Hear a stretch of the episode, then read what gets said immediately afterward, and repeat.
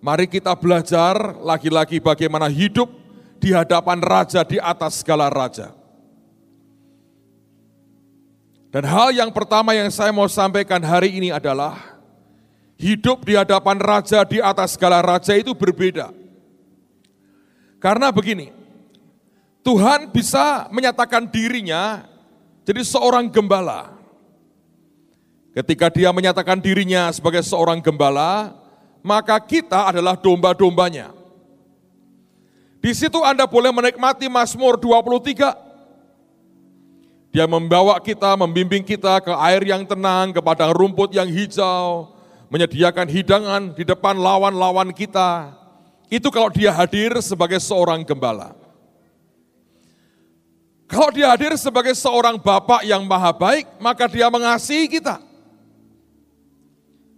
Waktu kita kembali seperti anak yang hilang, kita dipeluk, kita diterima, diberikan jubah yang baru, diberikan kasut dan diberikan cincin. Tidak ada protokolernya di situ. Ketika dia hadir sebagai seorang kekasih, maka Anda bisa mencurahkan isi hatimu, Anda bisa menikmati kemesraannya, dan tidak ada protokolernya di situ. Ketika dia hadir sebagai seorang tuan, maka pekerjaan kita yang dinilai. Apakah kita setia melakukan tugas yang dia berikan atau tidak? Dan dia menilai akan pekerjaan kita. Kalau dia hadir sebagai seorang sahabat, itulah saatnya Anda bisa curhat. Dan dia Tuhan yang akan mencurahkan juga isi hatinya, membuat kita makin kenal dengan dia. Ada keintiman persahabatan yang berbeda. Dan tidak ada protokoler di situ. Tapi yang berbeda adalah ketika dia hadir sebagai raja di atas segala raja. Dan ini yang tidak banyak orang Kristen mengerti bahwa ada saatnya dia muncul dalam kehidupan kita dengan posisi dan status seperti itu. Dan di situ mau tidak mau kita harus belajar sebenarnya. Belajar untuk menyadari bahwa di situ ada yang namanya aturan, ada yang namanya protokoler kerajaan, yang suka tidak suka Anda harus ikuti. Beberapa waktu yang lalu saya bertemu dengan salah seorang raja, saudara. Di Indonesia ini banyak kerajaan. Saya bertemu dengan seorang raja. Dan seorang teman yang memperkenalkan saya dengan beliau. Teman ini memang kelihatannya akrab dengan raja ini. Karena itulah dia bisa mempertemukan kami berdua dan kami ngobrol beberapa kali. Tapi saya melihat ada sebuah sikap yang tidak sepantasnya dia tunjukkan. Bagaimanapun saya adalah orang asing buat raja ini. Itu pertama kali kami tatap muka seperti ini. Dan raja ini sudah mulai kenal dengan Tuhan Yesus. Dia beberapa kali didatangi Tuhan Yesus. Tapi saya memperhatikan saudara, saya ini mengamati banyak hal. Walaupun tidak semua pengamatan saya saya ceritakan, tapi saya mengamati. Di tengah-tengah pembicaraan lagi santai begini, tiba-tiba dia ngomong begini. Paduka, tahu tidak bahwa ini merupakan tahun raja-raja dan Anda ini termasuk jarahan kami. Sampai dikeplok-keplok ini, kamu ini jarahan kami. Langsung berubah mukanya saudara. Dan di situ saya mengerti, ini orang ngawurnya luar biasa. Kalau dia berdua dengan orang ini, silahkan seakrab-akrabnya. Tapi ketika ada orang lain di depannya, dan dia bertindak seperti itu, dia ngerusak suasana. Itu kebodohan, saudara. Saudara ingat cerita Esther? Kalau mau ditanya siapa yang paling intim dengan Ahasiweros, ya pasti Esther toh. Tapi ketika Ahasveros di tahtanya, dan satu bulan Esther tidak dipanggil, untuk menghadap itu ada aturannya. Kitab Esther itu pelajaran baik untuk Anda mengerti protokoler kerajaan dan hukum raja-raja. Itu kalau tongkatnya nggak diulurkan tanpa diberitahu apa pun oleh raja, habis penggal, saudara. Dan banyak orang berkata gini, ah nggak mungkin dipenggal, nggak mungkin. Saya mau cerita sekarang. Anda pernah dengar nama Sun Tzu? Ahli strategi perang itu. Saya cerita Sun Tzu supaya Anda mudeng, saudara. Sun Tzu ini orang pinter, ahli strategi perang, penasihat raja, jenderal perang juga. Hidup di Cina sekian abad yang lalu. Tapi musuhnya banyak. Dan musuh ini tidak bisa menyentuh dia. Ini persis zaman Daniel. Kecuali mereka bisa meyakinkan raja. Lalu satu hari musuh-musuhnya Sun Tzu ini berkomplot ingin menghancurkan reputasinya. Mereka menghadap raja berkata begini, Raja, tahun-tahun ke depan zaman akan makin sulit. Serbuan negara lain akan mungkin datang. Maka raja harus seharusnya melatih para gundek-gundekmu ini, istri-istrimu ini supaya jadi seorang prajurit perang yang hebat. Raja berkata, iya betul juga ya. Supaya mereka juga bisa mempertahankan diri. Betul juga. Kalau baginda berkenan, perintahkan Sun Tzu melatih gundek-gundekmu jadi jago perang. Bayangin gundek-gundeknya raja dilatih jadi jago perang. Raja berkata, wah ide bagus, Sun Tzu paling jago ini. Panggil orang ini. Dia berkata, aku memberi kamu tugas hari ini. Sekian ratus gundekku latih jadi seorang panglima perang semua. Wah gawat, yang biasanya cuma dandan, ngeblo, begini, begini, begini, suruh bawa pedang, bawa pisau dapur aja kagak pernah. Anda bisa bayangkan nggak itu pekerjaan konyol kan? Sun mikir, bagaimana mungkin Bagaimana mungkin? Lalu kemudian dia berkata gini, mau nolak nggak berani. Mau mengiyakan dia berkata, nggak mungkin. Paling aku aja ibarat saya cekikian isinya. Lalu Sun Tzu berkata begini, boleh saya sanggupi dengan satu syarat. Saudara harus tahu, Anda kalau tidak bisa hidup di depan raja, anda orang konyol, kayak teman saya. Anda adalah tuayan kami, jarahan kami. Begitu kan saudara? Berubah mukanya. Dengan dia. Dengan saya sih ada cerita berikutnya bersambung. Tapi yang menarik adalah Sun Tzu berkata begini, boleh.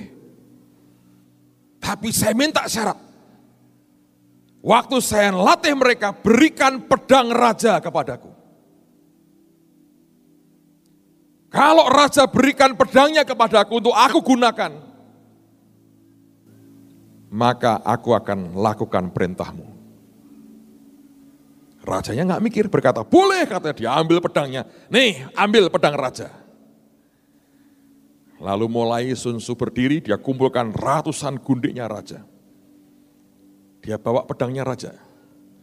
Dia berkata, hari ini Aku diperintah raja mendidik kalian jadi seorang tentara. Dan seperti yang dia pikir cekikian semua. Genit-genitnya luar biasa, cekikian. Ayo baris, cekikian. Apa pun diperintah cekikian saudara. Tidak pernah menurut. Lalu Sun Tzu itu turun daripada panggung yang dia dirikan tinggi dia datangi gundik raja yang paling dicintai raja. Dan dia berkata di depannya dan depan semua yang lain. Aku berikan perintah terakhir. Kalau kalian tidak nurut, aku akan hukum. Tahu jawabannya? Cekikian lagi. Dia berkata, baris, cekikian lagi. Dia cabut pedangnya raja. Dia penggal kepala gundik yang paling dicintai raja di depan yang lain. Jos! Tidak ada satupun yang bisa mencegah. Semua histeris. Mati habis. Tidak ada orang membalas Sun Tzu, gak ada. Semua diam.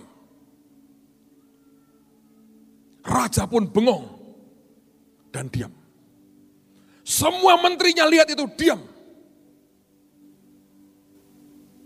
Dan sejak hari itu, gundik-gundik ini tidak satu pun berani cekikian. Orang bertanya, Pak kenapa nggak dihukum dia membunuh gundik kesayangan raja? Sebab undang-undang berkata, kalau pedang raja ini diayunkan ke siapa pun, tidak ada hukumnya, itu pasti benar. Siapa pun yang ditikam dengan pedang raja memang layak mati. Siapa pun yang dipenggal dengan pedang itu layak mati, nggak ada hukumnya. Orang ini benar-benar pinter loh saudara. Dia korbankan satu, sekian bulan kemudian raja bukan hanya punya gundi, punya bodyguard-bodyguard hebat saudara. Tidak lagi cekikian, ngerti Sebab mereka begitu Sun Tzu pegang gagangnya aja, ter mati gua. Lalu semangat lagi. Saudara ngerti itulah aturan orang hidup di hadapan raja. Ada protokolernya. Saya mau tunjukkan beberapa ayat supaya Anda mengerti dan kita lihat Nehemia pasal yang kedua. Kitab Nehemia pasal yang kedua. Dan saya ingin tunjukkan kepada saudara sebuah cerita yang sangat buat saya mentakjubkan sekali. Nehemia pasal yang kedua, kalau Anda sudah ketemu dengan pasal yang kedua, lihat mulai ayat yang pertama. Nehemia pasal 2 ayat yang pertama. Pada bulan Nisan tahun ke-20 pemerintahan Raja Artasasta, ketika menjadi tugasku untuk menyediakan anggur, Aku mengangkat anggur dan menyampaikannya kepada raja. Lihat kalimat berikutnya. Ini aneh sekali. Karena aku kelihatan sedih yang memang belum pernah terjadi di hadapan raja, bertanyalah ia kepadaku. Saudara, apakah Nehemia selama dalam pembuangan memang tidak pernah sedih? Nggak mungkin. Bagaimanapun dia orang buangan. Bagaimanapun dia orang asing. Dan dia datang ke Babel bukan sukarela. Negaranya hancur, keluarganya tercerai berai, bangsanya berantakan. Bagaimana tidak sedih hidupnya? Dan dia ini juru minuman raja artinya kalau sampai ada orang meracun raja lewat minumannya, dia mati duluan. Dan Nehemia berkata saja selama itu dia belum keli, pernah kelihatan sedih di hadapan raja. Orang ini adalah orang yang tahu bagaimana mengendalikan yang di dalam. Dan saya mau berkata buat saudara, hidup di hadapan raja itu tidak hidup karena perasaanmu, tapi hidup karena hitungan dan pertimbangan. Saya mau ulangi lagi saudara. Kalau kita mau hidup tepat di hadapan Raja, dengan segala otoritas yang luar biasa yang dia sediakan buat kita. Apa yang tadi saya ceritakan soal tiket, soal segala macam, itu satu di antaranya. Kami mengalami begitu banyak hari-hari ini. Tapi untuk bisa otoritas seperti itu kerja kuat dalam kehidupan kita, tidak ada pilihan lain, kita tidak bisa hidup karena perasaan manusia kita. Kita harus hidup karena sebuah perhitungan dan pertimbangan. Coba lihat Matius pasal 2. Sebelum Anda lihat Matius pasal 2, Amsal 25 mengatakan, Kemuliaan Tuhan adalah menyembunyikan segala sesuatu. Kemuliaan raja-raja ialah menyelidiki segala sesuatu. Kata menyelidiki dari kata discover. Anda mesti menemukan sesuatu. Itu perlu hitungan, itu bukan dengan perasaan. Tidak bisa Anda menyelidiki dengan perasaan. Segala ilmu yang eksakta yang harus ada researchnya juga dan penelitian, nggak bisa tergantung mood saudara. Anda ngerjakan matematika, Anda nggak bisa, oh mood saya lagi angka tujuh, jadi saya jawabnya tujuh semua. Nggak ada itu saudara. Anda mesti belajar punya hitungan dan pertimbangan. Pasal 2 ayat 8, Herodes ngomong begini kepada orang-orang majus atau tiga raja ini. Kemudian ia menyuruh mereka ke Bethlehem, katanya pergi dan selidikilah dengan seksama memang harus menyelidiki. Kita harus ngerti soal hitungan dan pertimbangan. Kalau Anda punya Alkitab The Message, bagus sekali. Ayatnya mengatakan, leave no stone unturned. Jangan biarkan ada satu batu pun yang belum engkau balik.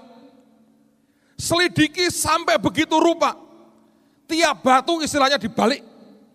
Supaya kamu lihat ada apa di baliknya itu. Dan itu sebetulnya yang Tuhan mau buat kehidupan kita. Mazmur 90. Ini ayat yang sangat terkenal sekali. Mazmur pasal yang ke-90. Dan kalau Anda sampai di pasal 90, lihat pada ayat yang ke-12. Alkitab berkata, ajarlah kami menghitung hari-hari kami sedemikian, sehingga kami beroleh hati yang bijaksana. Tuhan ngajari kita untuk apa? Ngitung, saudara. Sebab Tuhan juga menghitung. Nah, sekarang kita akan lihat kitab Daniel pasal yang kelima. Saya mau tunjukkan bagaimana Tuhan juga menghitung. Daniel pasal yang kelima, kalau saudara membaca dari ayat yang pertama, judulnya tulisan di dinding. Anak Nebukadnezar bernama Belshazzar hari itu mengadakan pesta dengan pejabatnya, dengan segala macam orang. Dan dia pesta, dia minum, dia mabuk. Dan dalam kemabukannya dia berkata, ambil perkakas bait Allah yang diambil oleh Nebukadnezar, disimpan di gudang, dia berkata, ambil itu. Lalu kemudian mereka pakai itu untuk mabuk, untuk membuat segala macam yang mengerikan. Dan mereka memuji-muji dewa mereka, dewa emas, dewa perak, dewa batu, dewa kayu. Mereka puji-puji. Dan Tuhan marah sekali. Ada punggung tangan tulis sesuatu. Mene-mene tekel ufarsin. Dan dalam keadaan ketakutan dia tanya apa artinya. Dan kemudian ayat 17, saya akan lompat mulai 17 supaya tidak uh, membuang waktu. Kita lihat ayat 17. Kemudian Daniel menjawab raja, Tahanlah hadiah tuanku, berikanlah pemberian tuanku kepada orang lain. Namun demikian aku akan membaca tulisan itu bagi raja dan memberitahukan maknanya kepada tuanku. Ya tuanku raja, Allah yang maha tinggi telah memberikan kekuasaan sebagai raja kebesaran, kemuliaan, dan keluhuran kepada Nebukadnezar ayah tuanku. Dan oleh karena kebesaran yang telah diberikannya kepadanya itu, maka takut dan gentarlah terhadap dia orang-orang dari segala bangsa, suku bangsa dan bahasa. Dibunuhnya siapa yang dikehendakinya, dan dibiarkannya hidup siapa yang dikehendakinya. Ditinggikannya siapa yang dikehendakinya, dan direndahkannya siapa yang dikehendakinya tetapi ketika ia menjadi tinggi hati dan keras kepala, sehingga berlaku terlalu angkuh, maka ia dijatuhkan dari tahta kerajaannya dan kemuliaannya diambil daripadanya. Ia dihalau dari antara manusia dan hatinya menjadi sama seperti hati binatang. Dan tempat tinggalnya ada di antara keledai hutan. Kepadanya diberikan makanan rumput seperti yang seperti kepada lembu dan tubuhnya basah oleh embun dari langit. Sampai ia mengakui bahwa Allah yang maha tinggi berkuasa atas kerajaan manusia dan mengangkat siapa yang dikehendakinya untuk kedudukan itu. 22.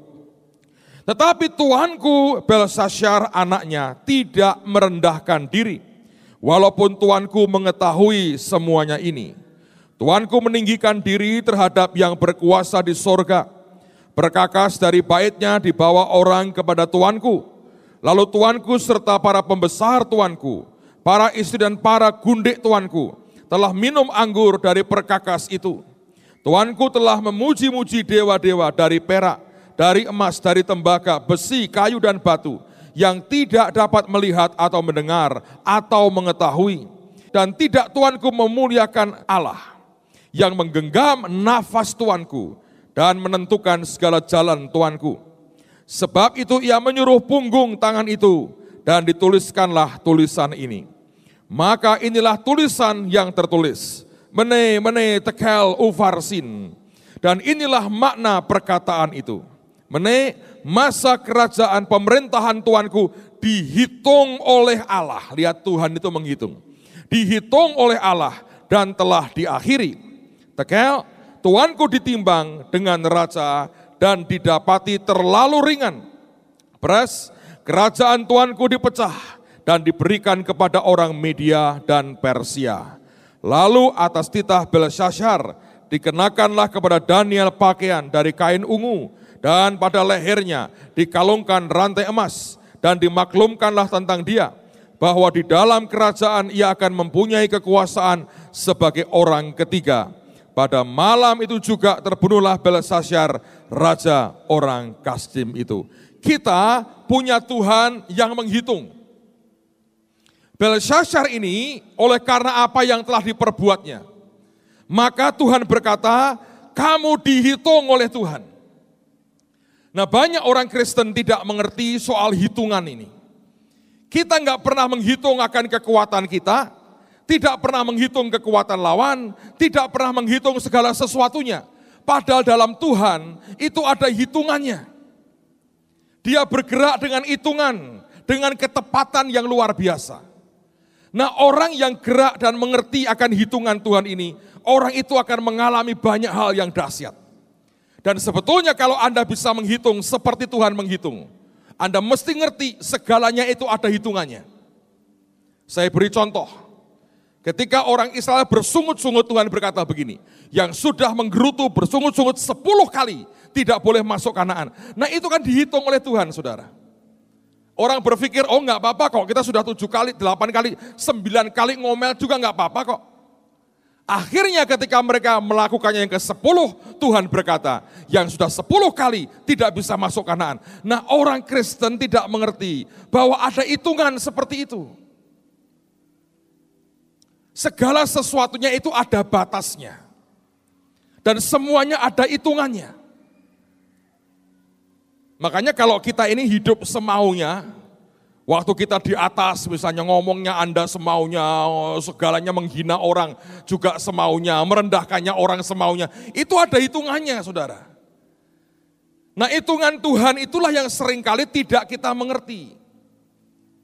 Satu di antaranya karena nggak terlalu banyak mau belajar firman sebetulnya. Saya mendorong setiap kita jangan pernah malas baca Alkitab, belajar, minta Tuhan beri pengertian. Saya mau beri contoh orang yang sungguh-sungguh ngerti akan hitungan.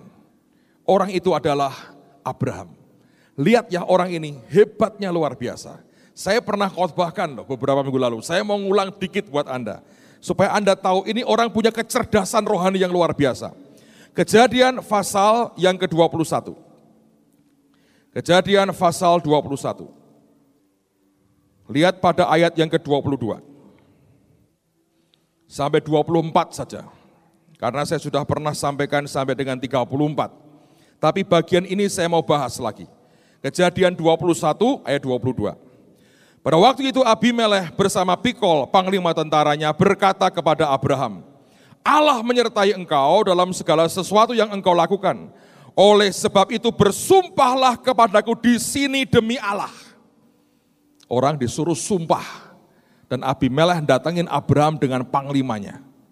Dia orang yang kalau perlu siap perang, dia intimidasi, dia paksa Abraham.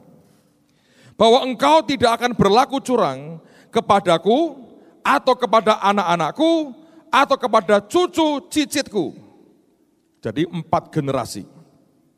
Sesuai dengan persahabatan yang kulakukan kepadamu Demikianlah kamu harus engkau berlaku kepadaku dan kepada negeri yang kau tinggali sebagai orang asing. Anehnya ayat berikutnya.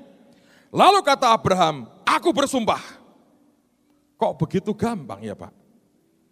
Diminta sumpah untuk tetap baik dengan anak, cucu, cicit gitu kepada Abimelech, kepada anaknya, kepada cucunya, kepada cicitnya. Empat generasi dia berkata, aku bersumpah. Kalau Anda baca seterusnya, ujungnya yang menang Abraham sih. Tadi malam saya berdoa, Tuhan berkata, nak kamu tahu kenapa Abraham langsung mengiyakan dan berkata, aku bersumpah. Saya bilang nggak tahu Tuhan. Dia berkata Abraham itu bukan bodoh. Nak. Abraham itu bukan orang bodoh. Abraham itu ngerti hitungan. Maksudnya saya bilang. Dan dia tunjukkan ke saya sesuatu. Coba Anda lihat ini. Pasal 15. Mundur saudara. Balik ke pasal 15. Pasal 15.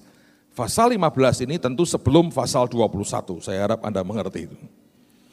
Pasal 15 itu jauh sebelum pasal 21. Artinya kita bergerak Maju atau mundur ya? Maju, maju ya. Pasal 15, ayat 13.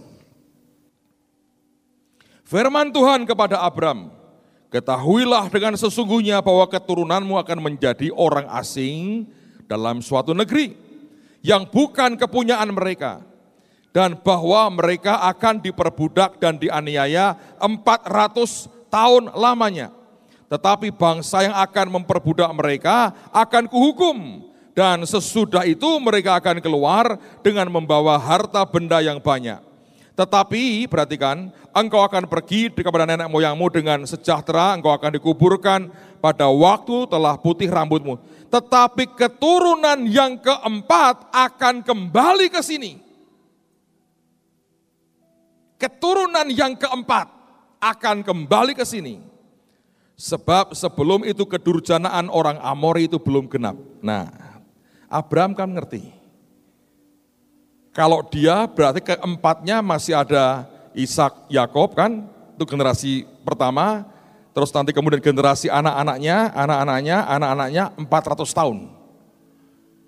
Itu Abraham tahu bahwa mereka keturunannya tidak akan balik ke situ sebelum 400 tahun.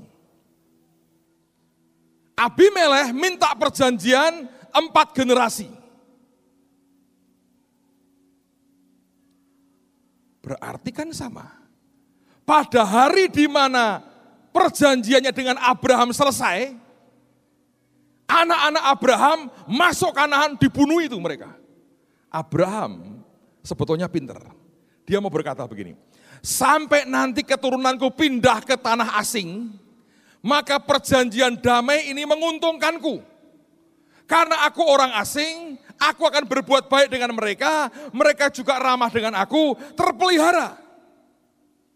Dan itu betul, zaman sampai Ishak, sampai Yakub, mereka dipelihara dengan baik. Tapi sumpahnya Abraham hanya sampai empat generasi. Sebab dia ngerti setelah empat generasi anak cucunya akan balik ke tanah kanaan dan menguasai areal itu. Di situ sebetulnya perjanjiannya sudah habis. Ngitung nggak sebetulnya? Ngitung saudara. Dia ngerti kok. Gue akan balik tahun, misalnya ya dia bilang, aku nanti balik tahun 2025. Lalu orang ini berkata, sampai 2024 loh, kamu harus baik sama aku. Dia bilang oke. Okay. Karena tidak mungkin aku balik sebelum 2025. Ngerti nggak saudara? Ini hitungan nggak? Hitungan. Siapa bilang ini goblok-goblokan saudara? Dan Abraham Alkitab berkata dia seorang raja agung. Dia ngerti hitungannya. Dan orang Kristen yang tidak ngerti hitungan seperti ini, Anda akan hidup dalam keadaan seperti orang buta. Ini waktunya Anda hitung dengan baik. Segalanya itu ada hitungannya. Oke, lihat Lukas sekarang, pasal yang ke-14. Lukas pasal 14.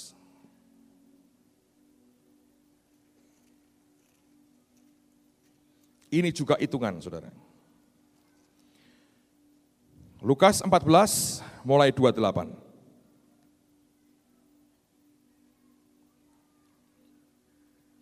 Sebab siapakah di antara kamu yang kalau mau mendirikan sebuah menara, tidak duduk dahulu membuat anggaran biayanya. Kalau-kalau cukup uangnya untuk menyelesaikan pekerjaannya itu. Supaya jikalau ia sudah meletakkan dasarnya dan tidak dapat menyelesaikannya, jangan-jangan semua orang yang melihatnya mengecek dia sambil berkata, orang itu mulai mendirikan tapi ia tidak sanggup menyelesaikannya.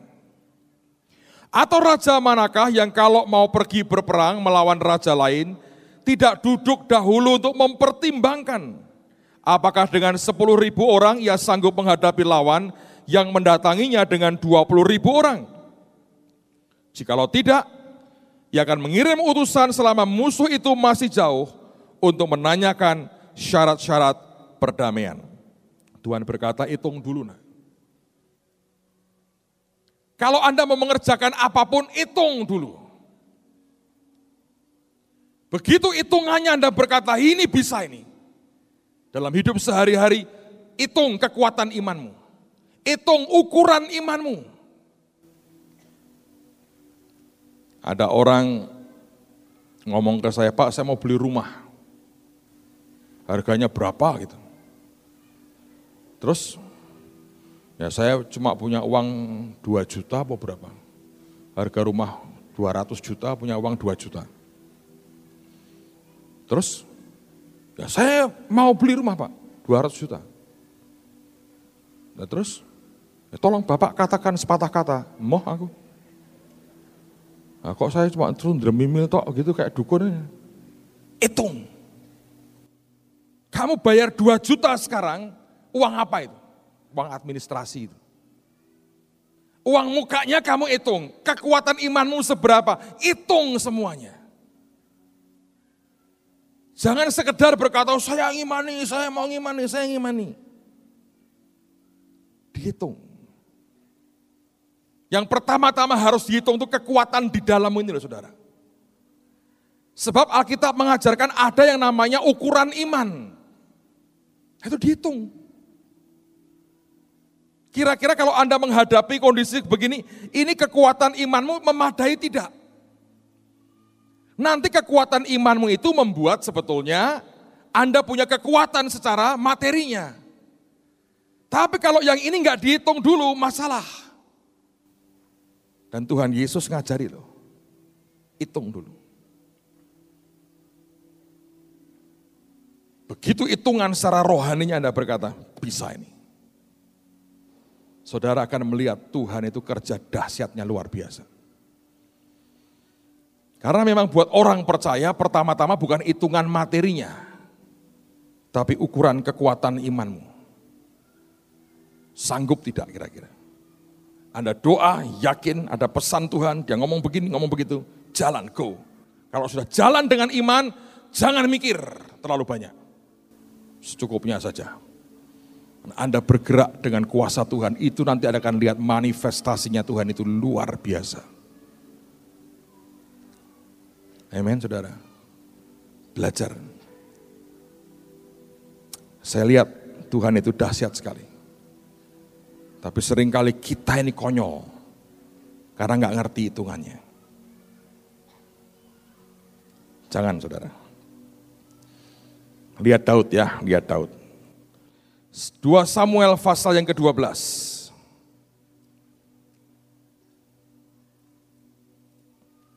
Dua Samuel pasal yang ke-12. Lihat ini hitungan, hitungan ini.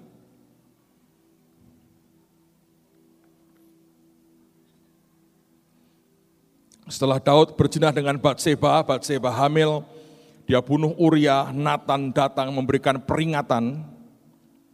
Ayat 15. Dan akhirnya Batseba itu melahirkan anak hasil perjinahannya dengan Daud. Ayat 15. 2 Samuel 12, 15. Kemudian pergilah Nathan ke rumahnya dan Tuhan menulai anak yang dilahirkan bekas istri Uria bagi Daud sehingga sakit. Lalu Daud memohon kepada Allah oleh karena anak itu. Ia berpuasa dengan tekun dan apabila ia masuk ke dalam semalam-malaman ia itu ia berbaring di tanah. Maka datanglah kepadanya para tua-tua yang di rumahnya untuk meminta ia bangun dari lantai, tapi ia tidak mau. Juga ia tidak makan bersama-sama dengan mereka. Pada hari yang ketujuh matilah anak itu. Dan pegawai-pegawai Daud takut memberitahukan kepadanya bahwa anak itu sudah mati. Sebab mereka berkata ketika anak itu masih hidup, kita telah berbicara kepadanya tapi ia tidak menghiraukan perkataan kita. Bagaimanakah kita dapat mengatakan kepadanya, anak itu sudah mati, jangan-jangan ia mencelakakan diri. Ketika Daud melihat bahwa pegawai-pegawainya berbisik-bisik, mengertilah ia bahwa anak itu sudah mati. Lalu Daud bertanya kepada pegawai-pegawainya, sudah matikah anak itu? Jawab mereka, sudah. Lalu Daud bangun dari lantai, ia mandi dan berurap dan bertukar pakaian ia masuk ke dalam rumah Tuhan dan sujud menyembah. Sesudah itu pulanglah ia ke rumahnya dan atas permintaannya dihidangkan kepadanya roti lalu ia makan. Berkatalah pegawai-pegawainya kepadanya, apakah artinya hal yang kau perbuat ini? Oleh karena anak yang masih hidup itu engkau berpuasa dan menangis. Tetapi sesudah anak itu mati engkau bangun dan makan. Jawabnya, ini hitungan saudara, bukan perasaan. Selagi anak itu hidup, aku berpuasa dan menangis. Karena pikirku siapa tahu Tuhan mengasihani aku, sehingga anak itu tetap hidup. Tetapi sekarang ia sudah mati, mengapa aku harus berpuasa? Dapatkah aku mengembalikannya? Aku yang akan pergi kepadanya, tetapi ia tidak akan kembali kepadaku. Kemudian Daud menghibur hati Bathsheba istrinya, ia menghampiri perempuan itu dan tidur dengan dia dan perempuan itu melahirkan seorang anak laki-laki. Lalu Daud memberi nama Salomo kepada anak itu, Tuhan mengasihani anak ini. Dan dengan perantaraan Nabi Nathan, ia menyuruh menamakan anak itu Yedija oleh karena Tuhan. Hitungan saudara. Dia ngitung ini masih ada kesempatan ini.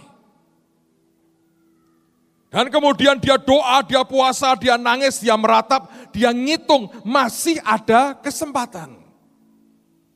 Dan akhirnya dia mengerti, Tuhan berkata no. Anak itu mati. Buat dia begitu selesai-selesai. Tidak pernah kita berkata, maka Daud mengepalkan tinjunya ke Tuhan berkata, kenapa engkau tidak menjawab aku? Enggak. Dia berkata, sudah, dia sudah memutuskan bagianku adalah lihat ke depan, jalan lagi. Dia mandi, dia berurap, sujud nyembah ke Tuhan. Dia bilang, terima kasih Tuhan. Dia berkata, makan. Aku minta French toast, uh, susu, kopi, dan uh, telur emas setengah matang. Bingung pegawainya, uh, steak sedikit. Batibul, domba yang bawah tiga bulan. Dia makan. Bingung pegawainya.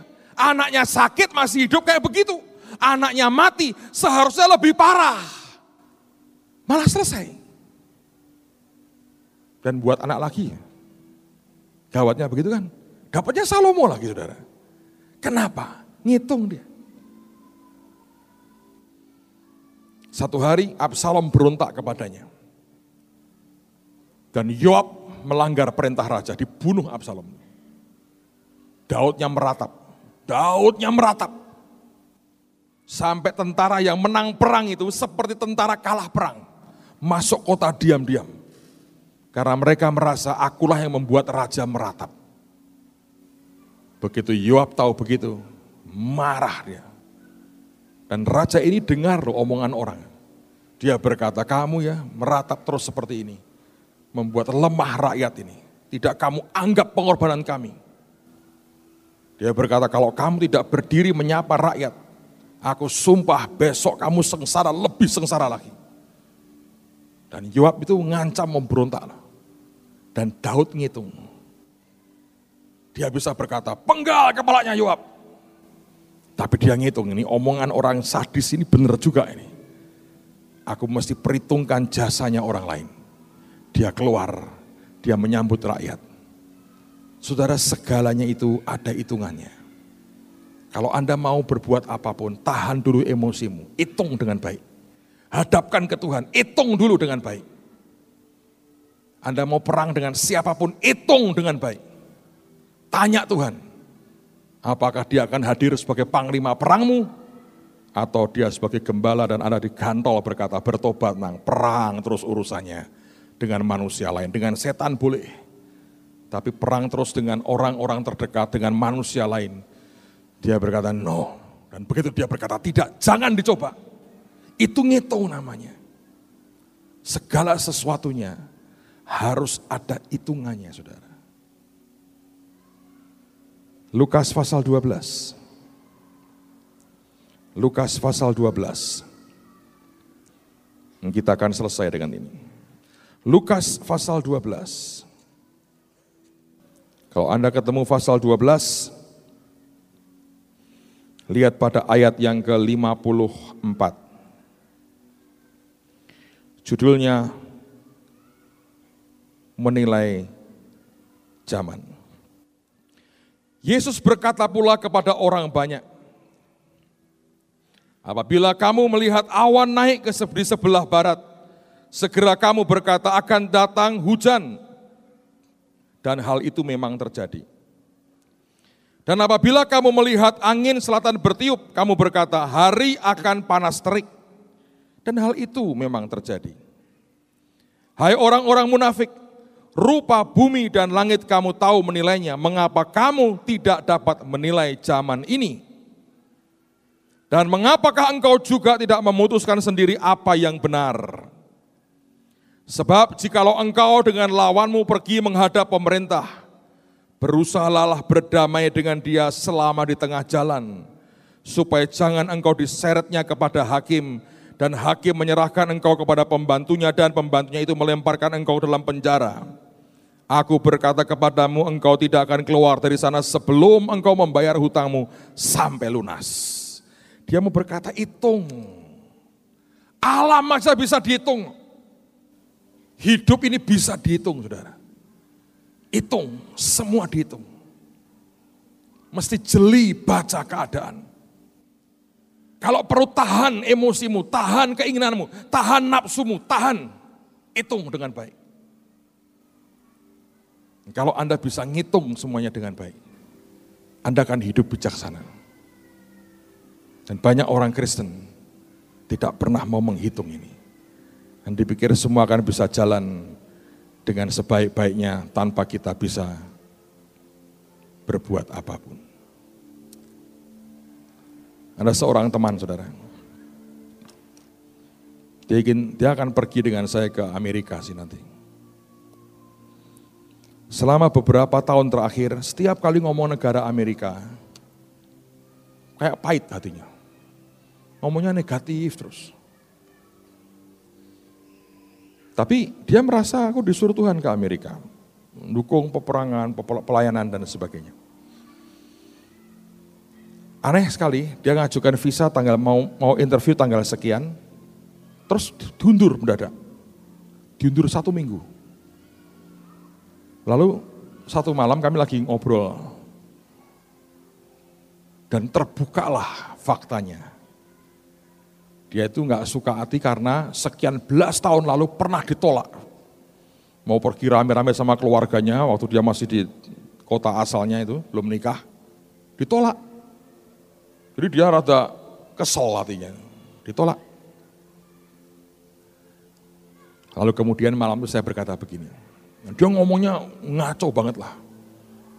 Saya bilang, wah ternyata ya kamu itu masalahnya kepahitan saya bilang, kalau kamu sekarang mau maju lagi dengan sikap hati pahit seperti ini dan arogan, kamu nggak akan pernah bisa masuk negara itu. Saya bilang, kamu mesti mengertilah, ini negara pernah jadi sasaran teroris yang mengerikan. Dan setiap negara berhak memproteksi dirinya dengan aturan yang mereka buat sendiri. Kalau itu agak menyulitkan kita, apa boleh buat? Tidak ada tujuan mereka. Tapi jangan kepahitan. Semua negara punya aturan. Kamu datang merendah saja. Tuhan akan beri kamu hikmat. Itu perkataan nempelak hatinya. Malam itu dia bertobat. Dan Tuhan bertanya kepadanya, apa yang kamu mau nak? Dia bilang begini, Tuhan, Aku pengen pergi sana. Sejujurnya, dia juga nggak ada uang. Lalu kemudian ini yang terjadi. Nih, saya bilang ya, ngitung tuh gini saudara.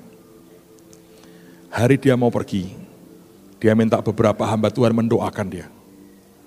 Dia ngomong sama saya, Pak, berkati aku Pak, supaya aku bisa masuk. Aku ini nervous banget interview. Kalau Anda pernah ke luar negeri, visa paling berat tuh kalau Anda dapat visa Amerika. Interviewnya tidak pernah jelas arahnya. Tapi saya mau cerita buat saudara, ini lucu sekali karena Yang itu Begitu dia sampai ke sana, dia urutan nomor 24. Dia, nung, dia lihat di ruangan itu 23 orang, 80 persen ditolak. Kembaliin, kembaliin, kembaliin, kembaliin. Itu kalau Anda lihat gitu ya, orang sebagian besar ditolak, tambah down mentalnya. Tapi dia ngomong gini, aku disuruh Tuhan. Dia ngomong dirinya, ini hitungan, aku disuruh Tuhan, bukan mauku sendiri. Tuhan bicara ke aku. Dia nguatin dirinya, dia berkata, ini bukan mauku, Tuhan yang mau. Aku sudah bertobat. Dia minta ampun, dia berkati Amerika, berkati orang-orangnya. Itu hitungan saudara. Ngerti nggak? Itu, itu, itu bukan ngawur-ngawuran. Dia berkata, ini aku berkati, berkati, berkati, berkati. Sudah kan? Tiba gilirannya. Dipanggil, ditanya, dilihat ini. Loh, kamu pernah ke Swiss ya? Emang pergi sama saya ke Swiss ya? Iya. Mana visanya? Dia berkata, oh saya dari negara ini kan tidak perlu pakai visa. Oh ya, mana cop stempelnya? Enggak ada. Tapi saya tidak bisa membuktikan ke Anda bahwa saya ke Swiss. Tapi saya emang ke Swiss. Terus dia bilang, Tuhan beri aku hikmat, beri aku hikmat, beri aku hikmat. Dan Tuhan ngomong ke dia, nak jawab dengan hikmat. Tidak nipu, tapi jawab dengan hikmat. Terus ditanya,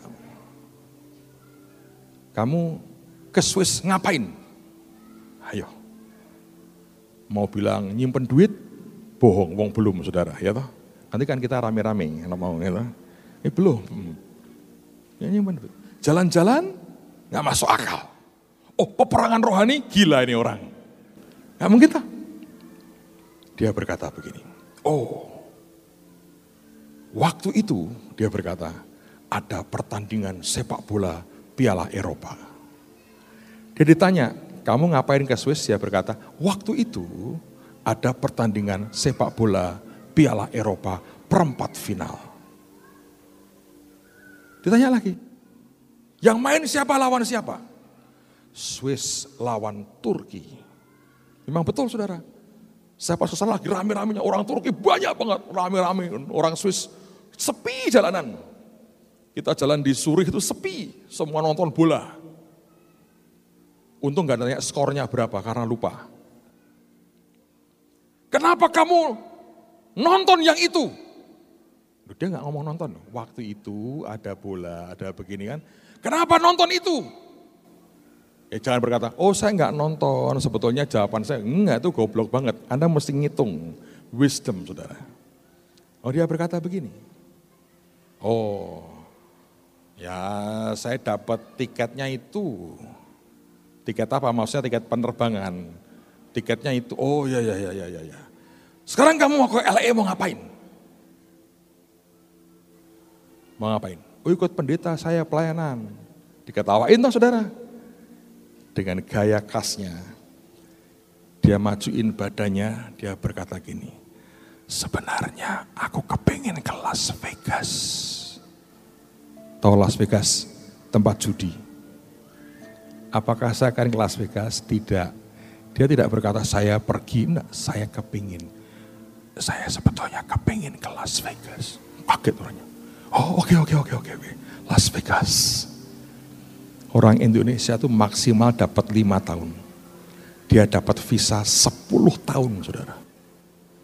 Dia waktu ambil nangis di loketnya nangis. Dia telepon saya sambil nangis. Saya pikir, wah ada bencana apa ini nangis. Enggak, dapat 10 tahun. Terus dia ngomong begini. Kalau saya tidak diingatkan untuk rendah hati, dan memberkati negara itu. Tuhan ngomong sama saya, Pak, saya nggak bisa masuk. Kamu tidak bisa perang menghadapi dengan arogansi, kepahitan, kesombongan, sakit hati. Itu hitungan, saudara. Makanya kalau Anda mau apa pun, itu ngomong, mau ngasih persembahan, hitung dulu. Bukan hitung persembahannya, hatimu ini loh diberesin. Semua ada hitungannya. Ada hal-hal membuat yang kita berikan hangus dan tidak ada artinya. Ada hal-hal yang membawa kemuliaan buat nama Tuhan. Tutup Alkitabmu. Saudara kalau ada hal yang Tuhan ingatkan untuk Anda bereskan di depan Tuhan hari ini, mari bereskan di depan Tuhan. Semuanya itu ada hitungan Tuhan yang ajaib. Belajar untuk ngitung dalam hikmat Tuhan. Ini tahun raja-raja, mari hidup dengan pengertian dan hikmat raja-raja juga.